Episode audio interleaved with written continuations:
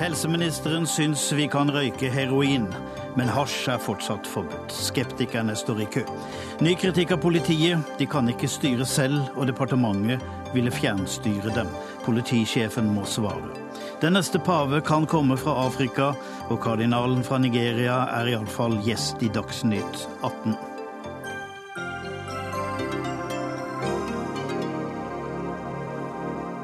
God fredagskveld, her er Dagsnytt 18. Jeg heter Tom Kristiansen, og det blir kulturkamp mellom Oslo og Bergen. Og dessuten Fredrikstad Blad skal skrives på ren dialekt, og språkprofessor Finn-Erik Vinje river seg i håret. Men først de 115 kardinalene fra hele verden som er på vei til Roma, de skal velge ny pave. De skal låses inn i Det sixtinske kapell, og en av dem vil komme ut som den nye paven. Blant de største favorittene er den nigerianske kardinalen John Onayakan, men i kveld er han gjest i Dagsnytt 18. And your eminence, welcome to the studio. Thank you. The Catholic Church is in a crisis, deep crisis, after hundreds of, of stories about priests that had abused uh, uh, children sexually. Is it painful to be a cardinal? No, because uh, the, the Thanks be to God, the crisis is not all over the world. And the picture, not only the picture that I have of the church, but also the experience of the church where I come from, uh, balances the, the, the impression you have given by your question. And, uh, and um, not only is it for me exciting to be a cardinal, it has been joyful for me to be a priest and a bishop in a country where my people are are very grateful to be Catholics, and they are very serious with their faith. They they they trust very much in God, and they they take their faith seriously. And so, when you live in such a situation, you are you feel you are off, you are giving your life up for something worthwhile. But the burning question in your country, Nigeria, is the conflict between Muslims and Christians. Is that a religious conflict? I'm asking simply because Christians are burning mosques and uh, Muslims are burning churches. Some Christians are burning mosques and some Muslims are burning some churches. But we have hundreds of thousands of mosques and churches in Nigeria that nobody has touched. The important thing is to note first that the violent, uh, violent um, uh, attacks, either by Christians uh, mostly by Muslims, actually. It's not as if it's exactly the same. Mainly by Muslims against Christians are the handiwork of a few Muslims. And so they don't represent the Islamic community in Nigeria. So we should also, we also know that it's, it's, it's affecting a small section of our vast country. Therefore, it isn't as if the whole nation is at war. The impression is created that we are in serious deep crisis in religious uh, um, misunderstanding because the only time you hear about us out here is when we are doing something stupid. So it's the same story about uh, Europe uh, covering Africa as a place of catastrophe. Well, maybe it's not only Africa. I'm sure it's just the way the modern modern um, uh, mass media tends to have a predilection for bad news. Uh, when things are going well, it is there's no news. It's when things are going badly um, that you hear a lot of stories about the things going wrong. It would be much better, and if indeed there was also a possibility of reflecting the positive things that are happening. Um, the AIDS pandemic is uh, really threatening Africa, but your church say it's a sin to use condoms. Most people doesn't understand that way of thinking. Yes, but well, we understand that many people will not un- understand our way of thinking, but, but that's that is part of modern world that we have different uh, ideas and different positions. And I do believe uh, uh, the church has a right to express its own views on matters. And don't forget, the church only gives guidelines. It does not enforce any rule. We have no police. And uh, the fact that the church says no condom does, does not mean that you can't get it you can get it. People are still free to take it if they like. But if you if we go into the reasons why we why the church uh, um, forbids uh, condoms, I would say more for us. We, we, we just believe that whatever we do that um, gives young people the impression that they can just sleep around is not going to help with the containment of the AIDS pandemic. Secondly, more importantly for us in Africa, there is more to containing AIDS than distributing condoms.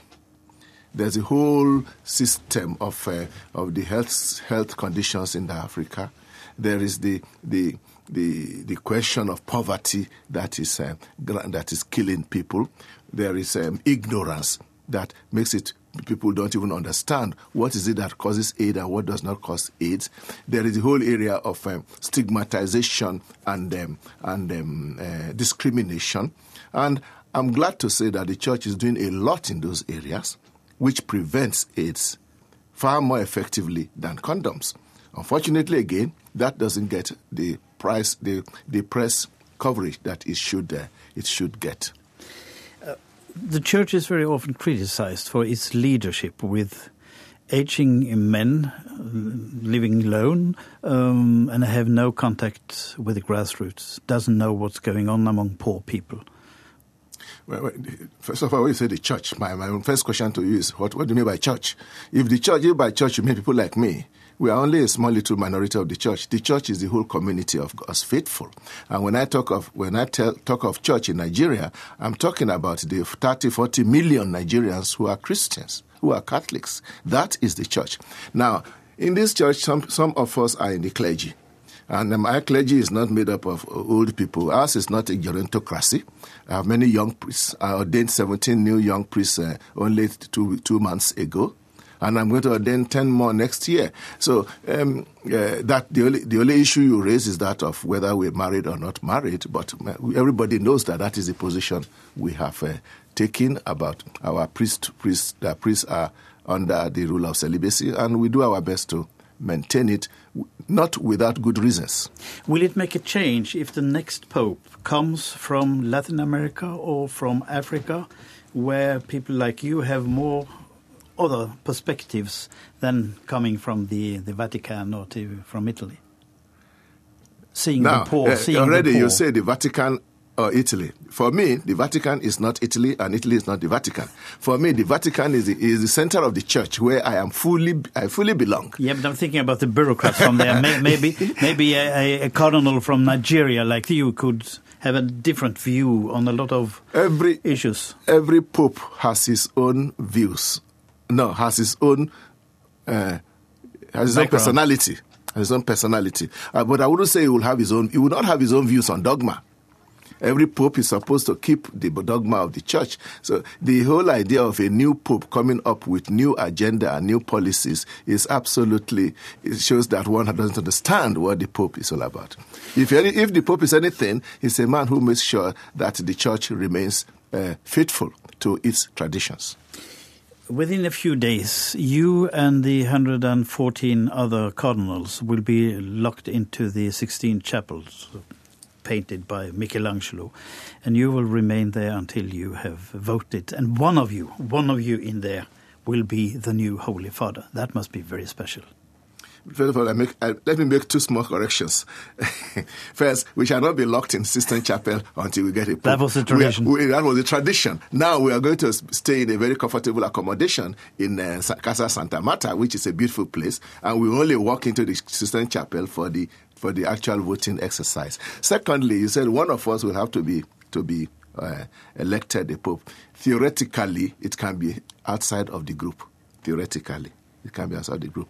Then to come to your question, it is certainly, a, I certainly feel a sense of great uh, privilege and uh, uh, gratitude to God that I am part of this very, very special, special history of our church. It never came near my mind as a young priest that I would ever be a bishop not to talk of being a cardinal. But you are one of the, the, the candidates, one of the favorite candidates for the. Uh... Again, theoretically, every Catholic is a candidate for for, for, for, for being yeah. pope. Theoretically, every Catholic can be pope. The, the betting, com- say, the, the betting companies have you high on the list. Generally, the cardinals are likely to uh, to elect to uh, come out with one of their members, and uh, I believe every other cardinal believes like me that when we are going in there, we shall be going to seek the will of God as it comes to us through our period of prayer and reflection together.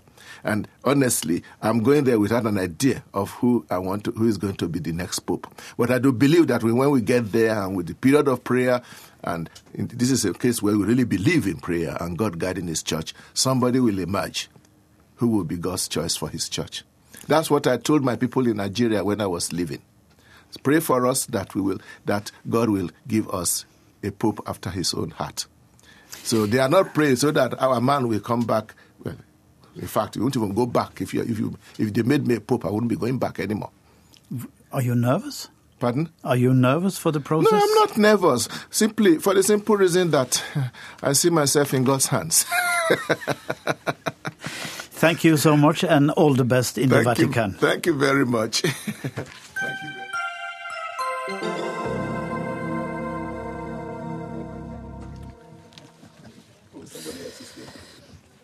Ja, nei, nå skal vi over til noe helt, helt, helt annet. For eh, jeg har et sitat her. Tallene på overdosedødsfall er for høye, og jeg vil, og jeg vil si at det er en skam for Norge. Det sa du, helseminister Jonas Gahr Støre. Og nå vil du avkriminalisere heroinrøyk for å få narkomane til å bytte ut sprøytene og heller begynne å røyke stoffet. Men aller først litt informasjon. og Da må jeg spørre deg, Arild Knutsen. Du er leder i Foreningen for human narkotikapolitikk og tidligere rusavhengig. Hvordan røyker man eh, heroin? Ja, Det er et godt spørsmål, for det er mange som tenker at uh, dette blir omtrent som å røyke en, tjukkere joint og bli enda mer stein eller noe sånt, men sånn er det ikke. Her har vi et uh, folie som brukes til å deles ut til heroinbrukere, slik at de kan røyke på det. Og da legger man en bitte liten dert med pulver. og så tenner man på under, og da blir den flytende, og da kommer det sånn røykdamp opp fra den. Og så må man helle fram og tilbake mens man jager etter røyken med sugerøret, og det kalles eh, internasjonalt for 'chasing the dragon'. Hva er forskjellen på det å sette et skudd rett i blodåra? Ja, Du slipper å stikke hull på pelsen. Det viktigste er jo at eh, når du injiserer heroin, så tar det ti sekunder før du har full virkning. Og når du røyker, så tar det ti minutter før du får full virkning. Det er som å gå fra å drikke sprit til å drikke øl. Du kan nesten ikke få en overdose. Det er veldig vanskelig å få en overdose ved røyking, og det er høy sannsynlighet ved injisering. Og så forebygger vi hiv, aids, hepatitt C, hepat eh, tannfelling, blodpropp, amputasjoner. Nesten alle de forferdeligste konsekvensene som vi kjenner av heroinbruk i dag. Jonas Gahr Støre, helseminister. Er det dette som er grunnene dine?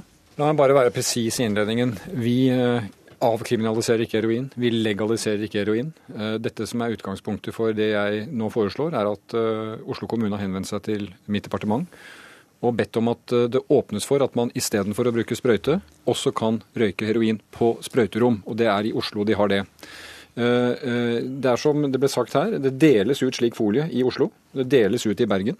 Eh, og Det er jo et uttrykk for, det er ikke forbudt å dele ut sølvpapir, men det er jo et signal om at det er bedre at dette ulykken folk opplever med avhengighet av heroin, tas inn på denne måten. Jeg er jo for at hele dette fenomenet må vi håndtere gjennom behandling, tilbud om behandling, mål om å komme ut av avhengighet. Men vi har lenge hatt også en diskusjon om realitetene. Og Realiteten er at vi har rundt 10 000 som er avhengig av disse stoffene. Vi har de høyeste overdosetallene i Europa. Jeg mener det er nedverdigende for vårt land.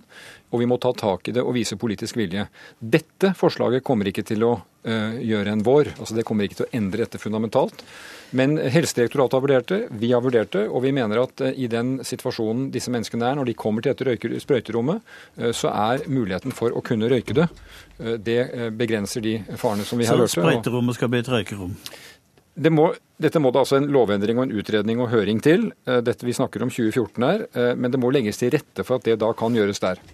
Skal det være utdeling av gratis heroin? Nei, det har eh, Det må de holde seg med selv? Nei, altså det, det, jeg, jeg, har vært sammen med en av disse brukerne i dag som har sagt at det er det de ønsker, såkalt heroin på resept. Jeg har respekt for det synet, men det har regjeringen ikke åpnet for, og det er ikke noe i dette forslaget som heller åpner for det.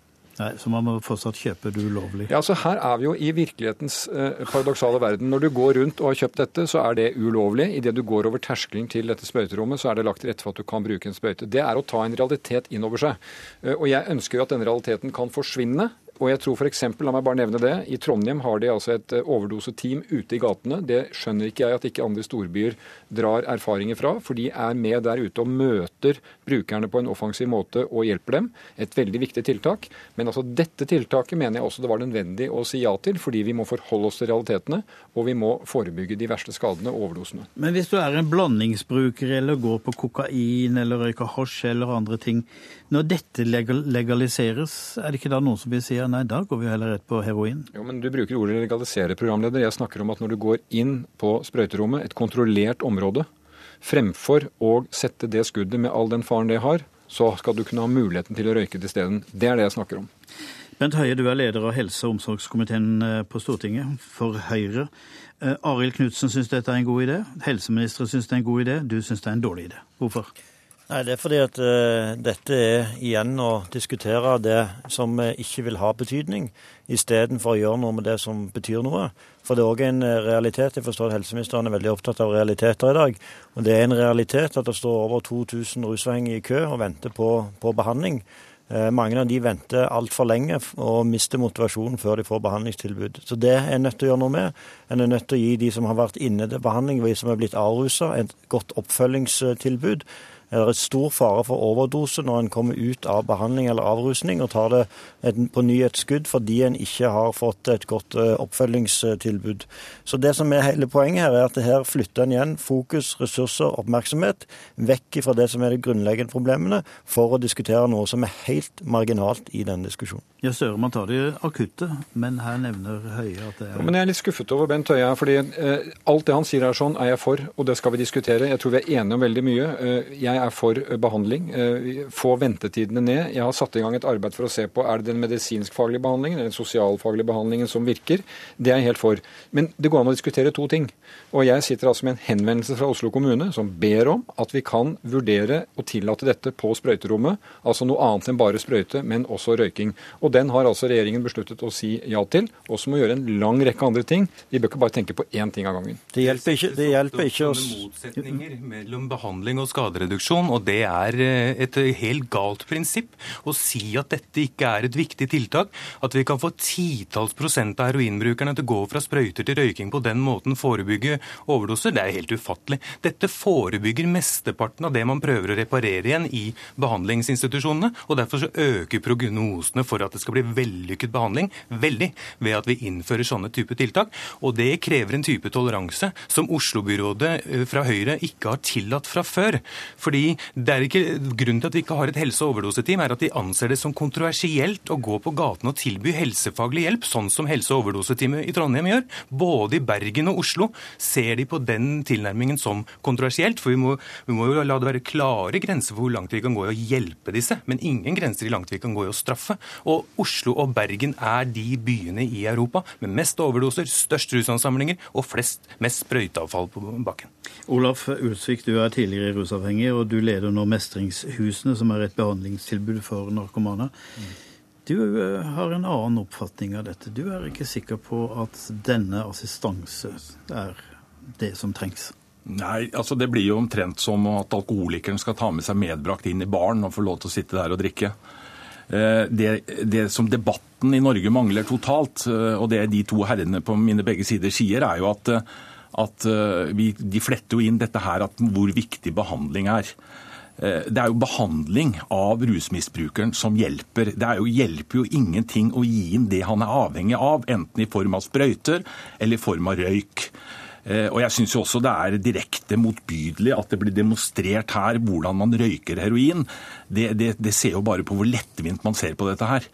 Eh, det, det, går, det, som går an, det er litt av det, det, Støre sier, er at man må flette inn en del tiltak sammen med behandlingen. Vi har prøvd metadon, Subutex. 80% av de som går på metadon, Subutex, de er, bruker eh, tilleggsstoffer fordi de ikke får behandling for rusavhengigheten sin. De får såpass mye metadon Subutex at de ikke får abstinens og de blir friske, men de er fremdeles rusavhengige, og det er rusen som tiltaler. Det er problematikken. Hvis vi går til Sveits og alle disse her landene som vi refererer til, så har de et helt annet type apparat, et behandlingsapparat. Altså Det hører noe med. Altså Hvis man sier at jo, ja, vi skal gi folk eh, lov til å røyke heroin, Eh, inne på, på et, et sprøyterom, fordi at målsetningen er at når de har vært der og begynt å fristne til, kanskje få litt bort sånn eh, arr og, og andre, andre sykdommer, så står hjelpeapparatet på plass. Hva sier du til det, Støre? Ja, for det første så mener jeg det Knutsen sier eh, eh, skal vi også lytte til. Altså Hvis du er i en elendighetssituasjon med sprøyte, så tror jeg veien til behandling er lenger. Eh, fordi at hvilken framtid er det egentlig du har? Når du, når du både ødelegger årer, får hepatitt, får aids, altså den situasjonen. Det finnes også en annen visjon for det. Og så er jo jeg veldig for at vi skal ha gode behandlingstilbud, raske behandlingstilbud. Jeg vet det står folk og venter på behandling, men ventetiden på behandling er i gjennomsnitt kortere enn på nesten all annen behandling. Det kritiske øyeblikkene er jo overgangene etter behandling. At du kommer ut og bolig, arbeid og hele det apparatet. Og det, det må vi bruke mye arbeid med sammen med kommunene for å styrke. Men igjen er diskusjonen Det kan vi diskutere og ha ulike syn på. Jeg tror vi faktisk har ganske sammenfallende syn. Men går det an også å ha en tanke for dette? I det øyeblikket man hadde team i gaten i Trondheim, så var det fordi man definerte en nullvisjon for overdosedødsfall. Man erkjente at dette skjedde, at disse menneskene var i gaten. Jeg har vært i en leilighet, en flott leilighet i Trondheim, hvor de altså møter disse menneskene verdighet, hvor det er en, en, en respekt som ser mennesker i en verdighet. Jeg tror det er veien på vei mot behandling. Veien på det at du tilhører dette samfunnet vil være med. Det å tro at vi skal la disse menneskene gå i sin elendighet, og det er veien til motivasjon i behandling, det tror jeg ikke noe på. Og som sagt, Oslo kommune har bedt oss se på dette, og jeg mener at det er riktig å etterkomme eh, forespørselen. Bent, Bent Høie, eh, er det ikke en utopi at vi kan få et rusfritt samfunn? Ja, det, er en, eh, det, er veldig langt vekke, men det er likevel en stjerne som er nødt til å styre mot. og Det tror jeg det er bred politisk enighet om. Men det er òg feil når Støre sier at han er for eh, alt dette som han nå sier han for. fordi at mye av det som han nå sier han er for, kommer, kommer hans partier til å stemme imot i Stortinget den 19.9. når vi behandler rusmeldingen. Den kommer til å stemme imot at vi får en opptrappingsplan for de rusavhengige, sånn som vi hadde i psykiatrien. Den kommer til å stemme imot en rekke tiltak som nettopp handler om at det skal være et tilbud til mennesker når de skrives ut fra rusbehandling eh, og fra avrusning, og at det skal være en sammenheng i behandlingstilbudet til de rusavhengige. For viljen til å prioritere og en oppbygging av behandlingstilbudet til de rusavhengige er ikke til stede hos Støre. Men viljen til å snakke fint om det, den er åpenbart veldig sterk. Men når det kommer til tiltakene, så igjen så kommer man med eksperimentene, de smale tingene, istedenfor å være villig til å prioritere økonomisk ressursmessig det som faktisk eh, betyr noe. Støre, eh, politiet jobber jo intenst og bruker millioner på å bekjempe narkotikaomsetning og narkotikabruk. Er ikke dette undergravende, et korttidstiltak som vil undergrave politiets arbeid? Jeg tror ikke det. Altså, de ja, men Du ser dilemmaet? Ja, jeg ser dilemmaet, men det er jo mange dilemmaer, programleder, i dette. Eh, det er et dilemma at vi har forbudt heroin. Det er ulovlig, det er kriminalisert, og vi har 10 000 brukere. Vi sitter og ser på det. Det blir for dem et veldig alvorlig helseproblem, og 300 mennesker dør i overdoser. Det er altså flere enn det som dør i trafikken. Dette er ikke et smalt tiltak, som Bent Høie sier. Jeg sier ikke dette er det som kommer til å løse det problemet, men det er en vilje til å gå inn i realitetene. Og det å si det at nei, vi skal ikke ha overdosetime i gatene, vi skal ikke tilby folk noe annet enn å kunne sette den sprøyten som gjør all den skaden, det er å ikke ta de realitetene på alvor. Og så kan vi sikkert ha ulike nyanser på om vi skal bevilge til den behandlingsformen eller den behandlingsformen. Jeg har høye ambisjoner for det, men jeg syns altså at det er den, den ortodoksien som Høie her viser, syns jeg er underlig. I hans egen by, Oslo og Bergen, som de styrer i, så deler de ut folie. Byen deler ut folie, og det er jo et signal til disse brukerne. Ta med den folien ut, gjør det istedenfor sprøyte. Vi lukker øynene. Jeg syns det egentlig er et bra tiltak. Og så sier vi på det sprøyterommet hvor du faktisk kan sette sprøyten, det er ikke straffbart. Der kan du også røyke det. Det har kommunen bedt om, og vi kommer til å si ja til det. Bent Høie. Jeg er for at en deler ut eh, utstyr for eh, røyking av heroin. og Jeg mener det er en stor fordel hvis eh, folk som er motivert for det, går fra å injisere til å røyke heroin. Da har vi kommet jeg, langt, da. Men, ja, dette har vi ment hele veien. Men det som jeg er imot, jeg er imot både sprøyterommet og er imot å bruke og åpne opp for ytterligere å røyke på sprøyterommet. Fordi det, det som en ser, det at det er en feil ressursbruk. De ressursene som en bruker på et sprøyterom, burde en nettopp ha brukt til å gi et lavterskel helsetilbud til de rusavhengige, sånn som en gjør i, i Trondheim, istedenfor å, å gi et, et sprøyterom. Fordi det som det er behov for, det er begge deler. Skadereduserende tiltak, gode helseteam, og det er behov for å gi god behandling og oppfølging etterpå. Men det er ikke behov for å ta ytterligere skritt i retning av legalisering av bruk av dette type, men da, type men stoffer. Da, da, er altså malen fra Høyre det er at uh, får de regjeringsmakt, så legger de ned sprøyterommet. De fjerner loven på det. Og de innfører ikke i Oslo, hvor de har flertall, og i Bergen, hvor de har flertall, det uh, overdoseteamet som rød-grønne Trondheim med støtte av KrF gjennomfører. Da er det null, uh, og det mener jeg er dårlig politikk. Nei, det er helt feil fremstilt. Vi er imot sprøyterom, men jeg er veldig sterk for at staten skal bidra til at en bygger opp gode overdoseteam i alle de store byene. Hvorfor klarer de det i Trondheim og ikke i Oslo? Ja, det, får, det får uh, Oslo svar for, men det som blant annet... Ja, du er nestleder i partiet det, som styrer i Oslo? Det som blant annet i Oslo er pålagt av et flertall av Arbeiderpartiet, er å nettopp å bruke store ressurser på et sprøyterom, som evalueringen viser, der en kunne sett på at ressursene kunne blitt brukt på en bedre måte. Dette er noe som et Arbeiderparti i Oslo har pålagt byrådet å innføre. Jeg må få komme med en kommentar. Dette her er jo hele rusdiskusjonen. Det er at to politikere sitter og diskuterer tekniske ting. Det vi trenger, det er behandling til rusmisbrukeren, om han er sprøytenarkoman, eller om han røyker heroin, eller om han drikker, eller hva han gjør for noe. Det eneste de trenger hjelp til, det er behandling. Fordi en sprøytenarkoman som begynner å røyke heroin og ikke får behandling, han begynner ganske raskt igjen med sprøyte. Der må jeg sette strek for denne diskusjonen som kunne vart lenge. Takk til deg, Jonas Gahr Støre, helseminister, Arild Knutsen, leder for Foreningen for human narkotikapolitikk, Olaf Olsvik, som leder Mestringshusene, og Bent Høie, leder av helse- og omsorgskomiteen i Høyre.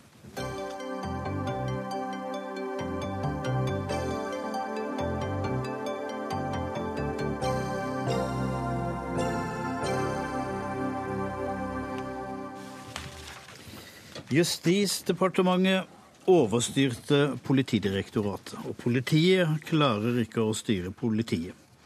Vi har fått nok en ulykkelig rapport om politiledelsens udugelighet. Målene som er satt, er ikke blitt oppfylt. Denne gang er det Direktoratet for forvaltning og IKT som eh, sier ifra i en rapport. De har evaluert Politidirektoratet på oppdrag fra Justis- og beredskapsdepartementet. Både tidligere justisminister og tidligere politidirektør var invitert til å diskutere sitt arbeid, men de har takket nei. Hør på dette. Politidirektoratet fyller i liten grad rollen som leder og utvikler av politiet. Hans Christian Holte, du er direktør i Difi, som er altså Direktoratet for forvaltning og IKT. Dette er det du som sier. Det er sterke ord?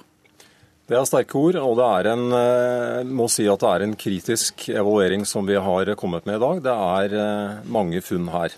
Når vi sier det på den måten som du beskrev innledningsvis, så viser det til de målene som ble satt for direktoratet da det ble opprettet for eh, tolv år siden. Det ble sagt at direktoratet skulle føre til bedre organisering av politiets roller og oppgaver, klargjøring av ansvar og myndighet, mer helhetlig og operativ ledelse og bedre utnyttelse av ressursene.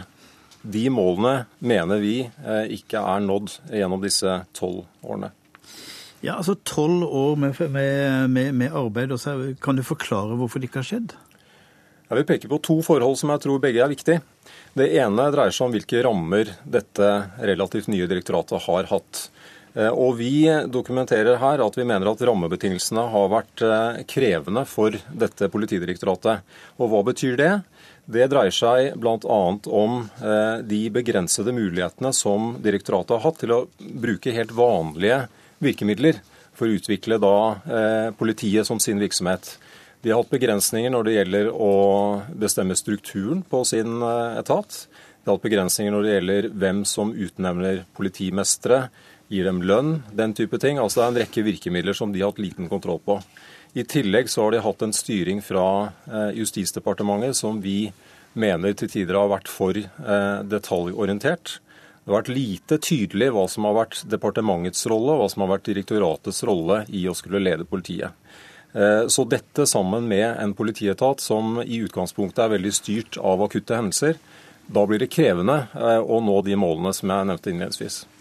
Odd Reidar Humlegård, det er du som er politidirektør. og Problemet her hele tiden er jo det har jo vært så store utskiftninger i justis og politi at det er jo ingen som har ansvar for noe lenger. Og særlig ikke du, da, som eh, ikke har hatt tid til å Alt dette er jo før din tid. Men det er du som sitter med hatten på. Har ikke direktoratet som du leder, forstått hvilke problemer man egentlig har hatt? Jeg tror det er nettopp det eh, vi har gjort. Altså, Denne rapporten eh, er jo basert på omfattende intervjuer med medarbeidere i Politidirektoratet. Dine folk? Mine folk eh, og medarbeidere og politimesterne. De er samstemte om disse funnene i DIF-rapporten.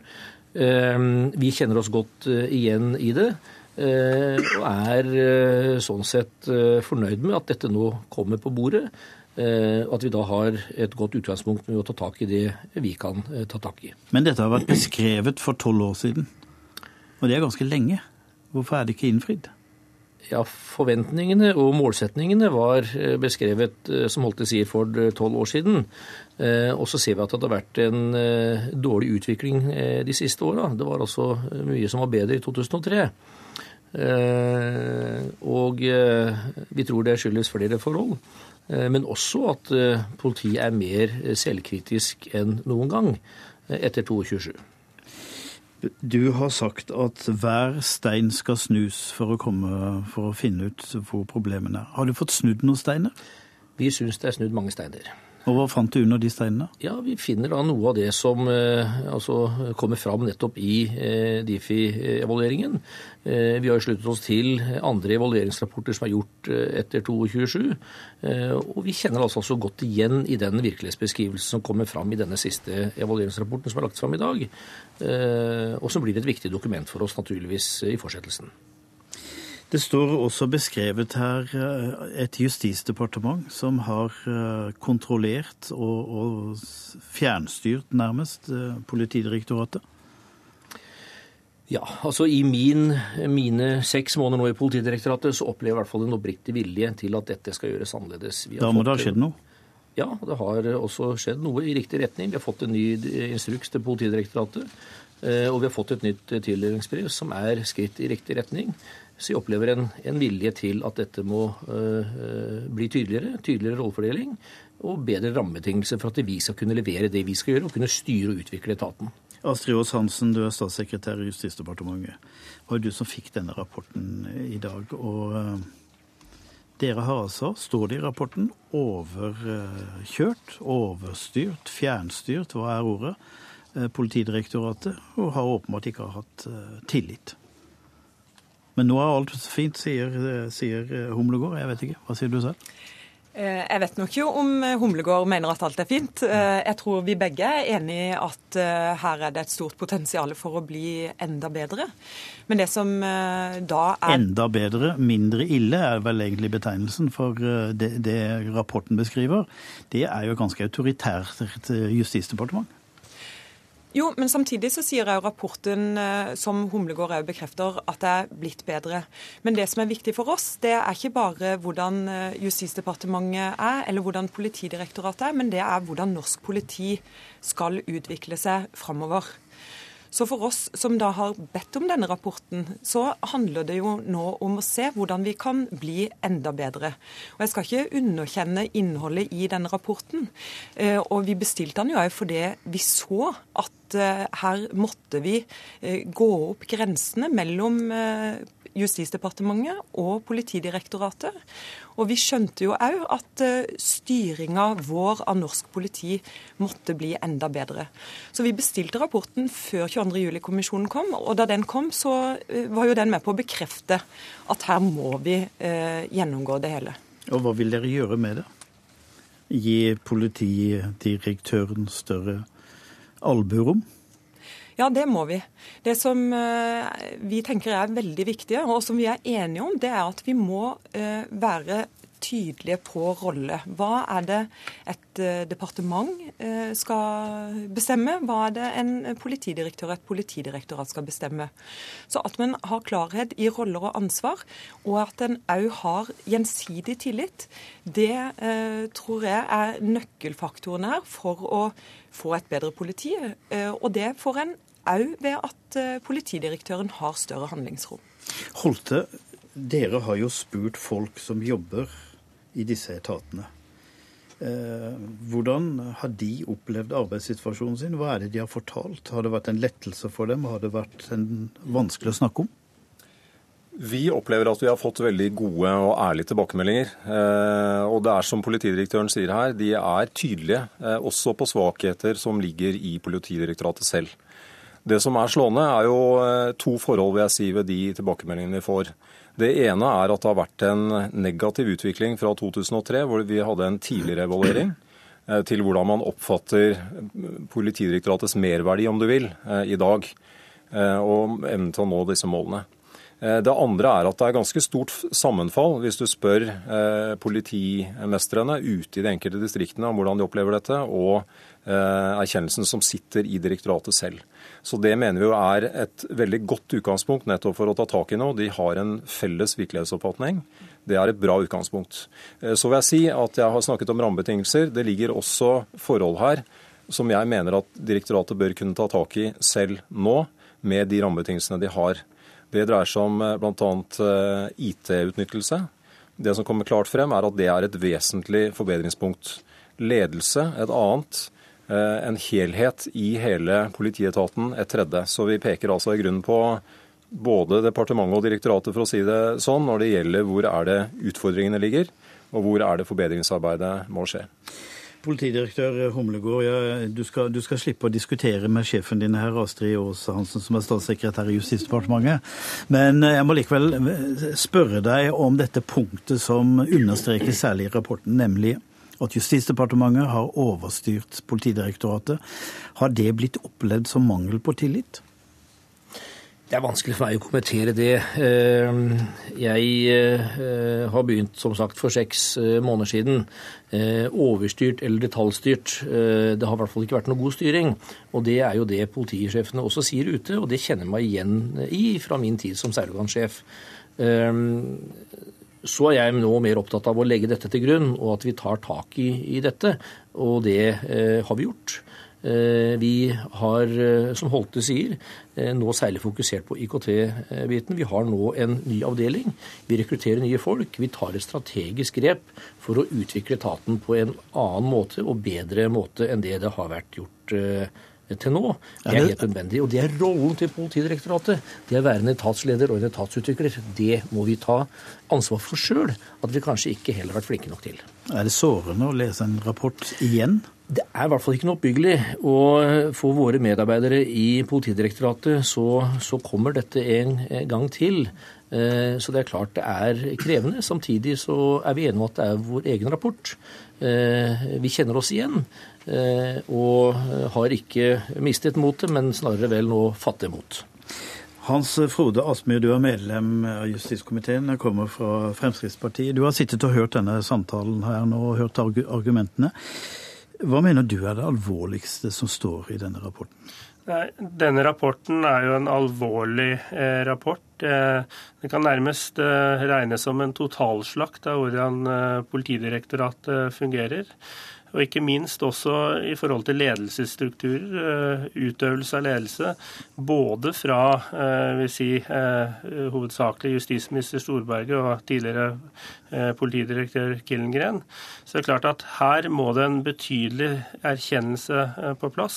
Jeg oppfatter nok at politidirektøren har den selverkjennelsen, men nå må vi få den også inn i det politiske miljøet og i dagens ledelse i Justisdepartementet. Så hva bør konklusjonen være, da?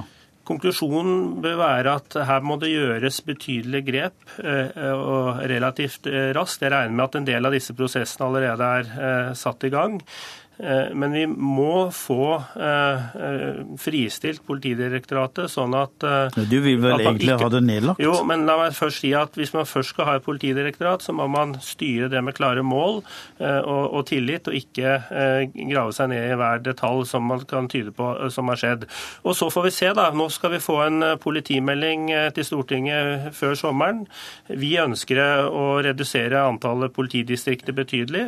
Og så får vi se hvordan Politidirektoratets rolle skal være da, når vi får eh, et, forhåpentligvis et betydelig antall færre politidistrikter. Jo, men Du hører jo Humlegårds eh, ydmykhet her overfor konklusjonene og initiativene som er i ferd med å bli tatt. Er ikke det jo, det som trengs? Han kan ikke være noe annet enn ydmyk eh, i forhold til den rapporten som har kommet i dag. Og, og han er relativt fersk i jobben, og jeg har tiltro til at han kan løse opp i dette. Men dette handler om at man må få et arbeidsoppdrag fra Justisdepartementet, og også at Stortinget nå, eh, flertallet på Stortinget, eh, i denne politimeldingen kom med tydelige signaler på hvordan man ønsker strukturen i norsk politi framover. Her har det gått altfor lang tid som det har gjort, og det er ganske tøft å lese i rapporten når medarbeidere i politiet Politidirektoratet uttaler de årene siden POD ble opprettet som det tapte tiår. Det er ganske alvorlig fra ens egne medarbeidere. Ås Hansen, eh, ballen ligger jo i ditt fang nå. Hva gjør dere med dette? Ja, Det ligger absolutt hos oss. Eh, og vi tar jo selvfølgelig med oss eh, denne rapporten. Det er som dere sier, og som òg Asmyr sier, at det er ikke sånn at det er i dag vi starter med videreutviklinga av både egen og Politidirektoratets rolle. Dette har vi starta med. Eh, rapporten anerkjenner òg at vi er et, eh, et, stykke på vei med både den instruksen som er gitt, og tildelingsbrevet som er gitt. Men det er klart at det, det som vi i tildelingsbrevet nå, som jo blir litt sånn stammespråk, vil jeg tro, men det, det måten vi nå styrer Politidirektoratet på, er å være mye tydeligere på hva slags mål og resultater en ønsker å oppnå. Ikke bare på bakgrunn av hva justisministeren og departementet ønsker, men òg eh, hvordan Stortinget eh, ønsker resultater i norsk politi. Og så blir det ikke til oss å definere hvordan politiet skal løse disse oppgavene for å nå resultatene, det er det politidirektøren som må finne ut av. Og det er nok der den store endringen må komme. Dere vil alle bli kalt tilbake til dette studiet og forklare hvordan dette går seinere. Takk til dere, Hans Christian Holte, som er direktør i Direktoratet for forvaltning og IKT, Odd Reidar Humlegård, politidirektør Hans Frode Aspmyr, som er medlem av justiskomiteen på Stortinget for Frp, og Astrid Aas Hansen, statssekretær i Justisdepartementet. Miljøverndepartementet. Hør Dagsnytt 18 når du vil, på nettradio eller som podkast. nrk.no – dagsnytt 18.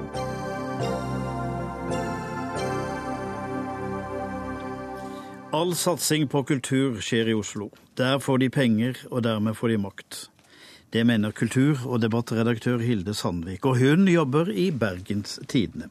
Et utvalg ledet av Anne Enger legger mandag fram en evaluering av regjeringens kultursatsing de siste ti årene, Kulturløftet. Og det er en slags automatikk da i kulturpolitikken som styrker Oslo mer enn andre steder her i landet. Er det ikke det du mener, Hilde Sandvik, kultur- og debattredaktør i Bergens Tidende, som jeg nevnte? Jo, eh, det er kan du si, en liten oppsummering. Og så er det i tillegg til dette, for dette er ikke da en sutrediskusjon, men i tillegg til dette, og det vesentligste poenget, er at jeg mener at det svekker Oslo først og fremst, og det svekker landet. For det som er i ferd med å skje, er at en, de byene utenfor Oslo er i ferd med å tape relevans. Og dermed så har en heller ikke reelt konkurrerende miljøer til de store, vesentlige og kjempedyre institusjonene i Oslo. Og det taper landet på. Tape relevans, går det an å si det når man sitter i Bergen og har festspillene og et yrende kulturliv? Bergen vil jo alltid påstå at den har en stor relevans, men la oss ta to eksempler fra den siste uka. I Bergens Tidende så har vi altså sett på de nasjonale institusjonene, og vi har to store nasjonale institusjoner i Bergen. Bergen Filharmoniske Orkester og Den nasjonale scene. Eh, og en gjennomgang av de ti siste årene viser altså at, en, at eh, BFO eh, får, har tapt år for år under Kulturløftet. DNS er den, den nasjonale institusjonen som, som, ligger lengst nede. Og mer kritisk enn dette, er at det tilsynelatende heller ikke blir evaluert opp mot hverandre. Er det nå sånn at Bergen Filharmoniske Orkester er i ferd med å styrke seg så kraftig at en faktisk er en reell konkurrent til Oslo, så mener fremdeles staten at en, en musiker som sitter og gjør den jobben i Oslo, er verdt 144 000 kroner mer enn en musiker i Bergen, for å komme med noen tall.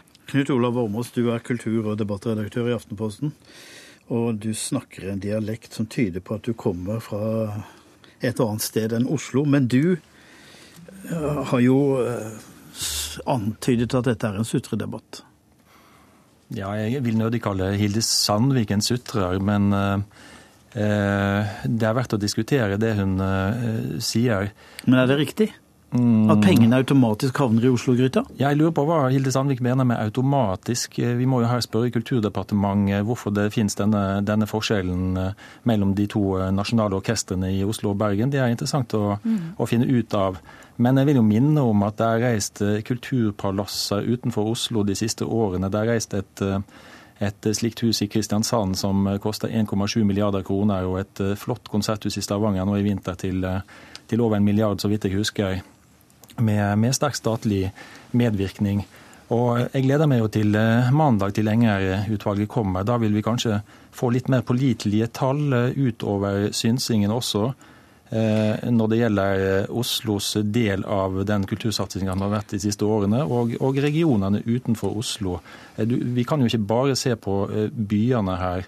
Og Jeg er også spent på hva slags tallgrunnlag Hilde Sandvik har for å for å belegge denne automatikken i at eh, Oslo får hele tida så mye mer enn eh, de andre største byene. Sandvik, Eh, utenlandske journalister som kommer til Norge og reiser litt rundt i landet, er forbausa over hvor mange praktbygg til kultur og kulturhus det er overalt i landet? Mm. Nei, og dette her er sånn klassisk med en gang en skal diskutere kulturpolitikk, så ender en altså opp i, i, i uh, tiltak som først og fremst stimulerer bygningsbransjen i landet. Og det er jo interessant nok, men det er jo ikke det som er kulturpolitisk satsing. Og det er jo nettopp derfor jeg tenker at og, og da, nå, skal, nå, har ikke jeg lest sett et eneste komma av Enger-utvalget ennå, og ser veldig fram til å lese hva som står der. Men det, det, jeg, eh, det jeg, eh, mistenker, eller, eller, tror, eller tenker, er at, eh, er at jeg kommer til å konkludere med at distriktene har vunnet. Eh, Oslo får minst. Eh, og så er spørsmålet hvordan ser en på disse tallene? Fordi en kan godt sitte og vri og vende på tallene. Det vi har tatt utgangspunkt i, er statsbudsjettet og poster på statsbudsjettet. I tillegg så vet en veldig godt om hvordan fordelingen på, eh, i Kulturrådet er. Og dette er noe som blir gjentatt igjen og igjen. Og så er det sånn at de store nasjonale institusjonene i Oslo Nasjonalmuseet og Nasjonaloperaen, opera og ballett, da trekker til sammen nesten ja, begynner å nærme seg en eh, opp mot milliarden etter hvert. Eh, det er store statlige bygg. Eh, I løpet av ganske få år så skal Oslo da også ha bygg til enhver 10-15 milliarder kroner. Det er uten innhold igjen. Bygningsbransjen. Og så diskuterer en på et vis ikke hva er disse nasjonale institusjonene, hva skal de være. Og så ja, man må se på, se på, satsingen her. Ok, Nå har det vært bygd kulturhus over hele landet, men det er til glede for entreprenørbransjen. Men det skal jo fylles med noe. Det skal jo bevilges noe, det skal fordeles noe penger. Og der havner vel kanskje ganske mye i Oslo?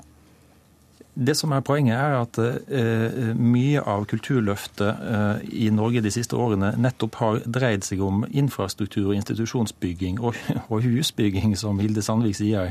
Så det er helt riktig. Uh, I årene framover må disse husene fylles med mye godt innhold av høy kvalitet.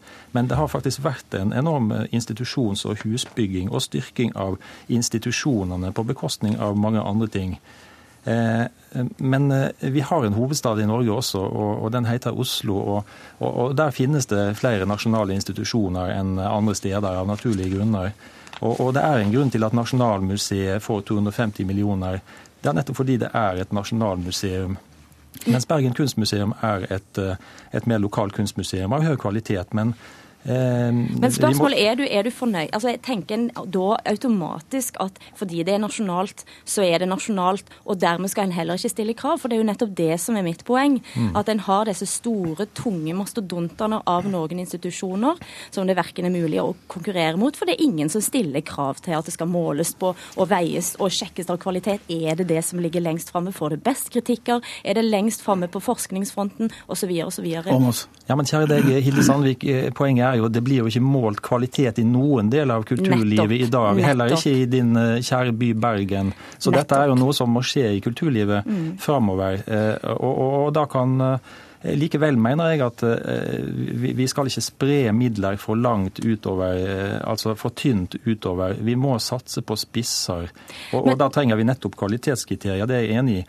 Men hva er det du vil ha? Annet enn mer penger, statlige penger til Bergen, da? Kan jeg få lov til å si én ting først? For dette argumentet dukker opp igjen og igjen. Hver gang vi skal diskutere kulturpolitikk i Norge, så sier vi er så få i dette landet. Vi må styrke Oslo fordi vi har én hovedstad. La oss tenke på et land som Island. Island har da altså 300 000 innbyggere. Eh, litt mer enn Bergen by har. Og ligger lenger framme, vil jeg påstå, på langs mange akser i altså lage, skape avantgardistisk kunst av en veldig høy klasse. Ta et tankeeksperiment. Hvis eh, Island, hvis Reykjavik hadde vært styrt for Kulturdepartementet, hva hadde skjedd? Med den logikken som ligger nå til grunn i norsk kulturpolitikk, så måtte Island kanskje da ha fått beskjed om at dessverre kan det ikke lages film her. Det må de lage på, i filmstudio på Jar. Hva sier du til det, Ormos?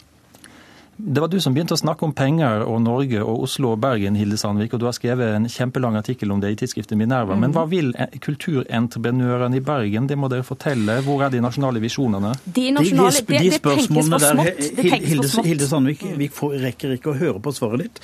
Men kan ikke du være grei å sette av mandag kveld klokka seks i Dagsnytt 18? For da er Anne Enger ferdig med rapporten sin og har lagt den fram. Og så treffer du igjen Knut Åmås, og så kan vi diskutere dette dette videre? Gjerne.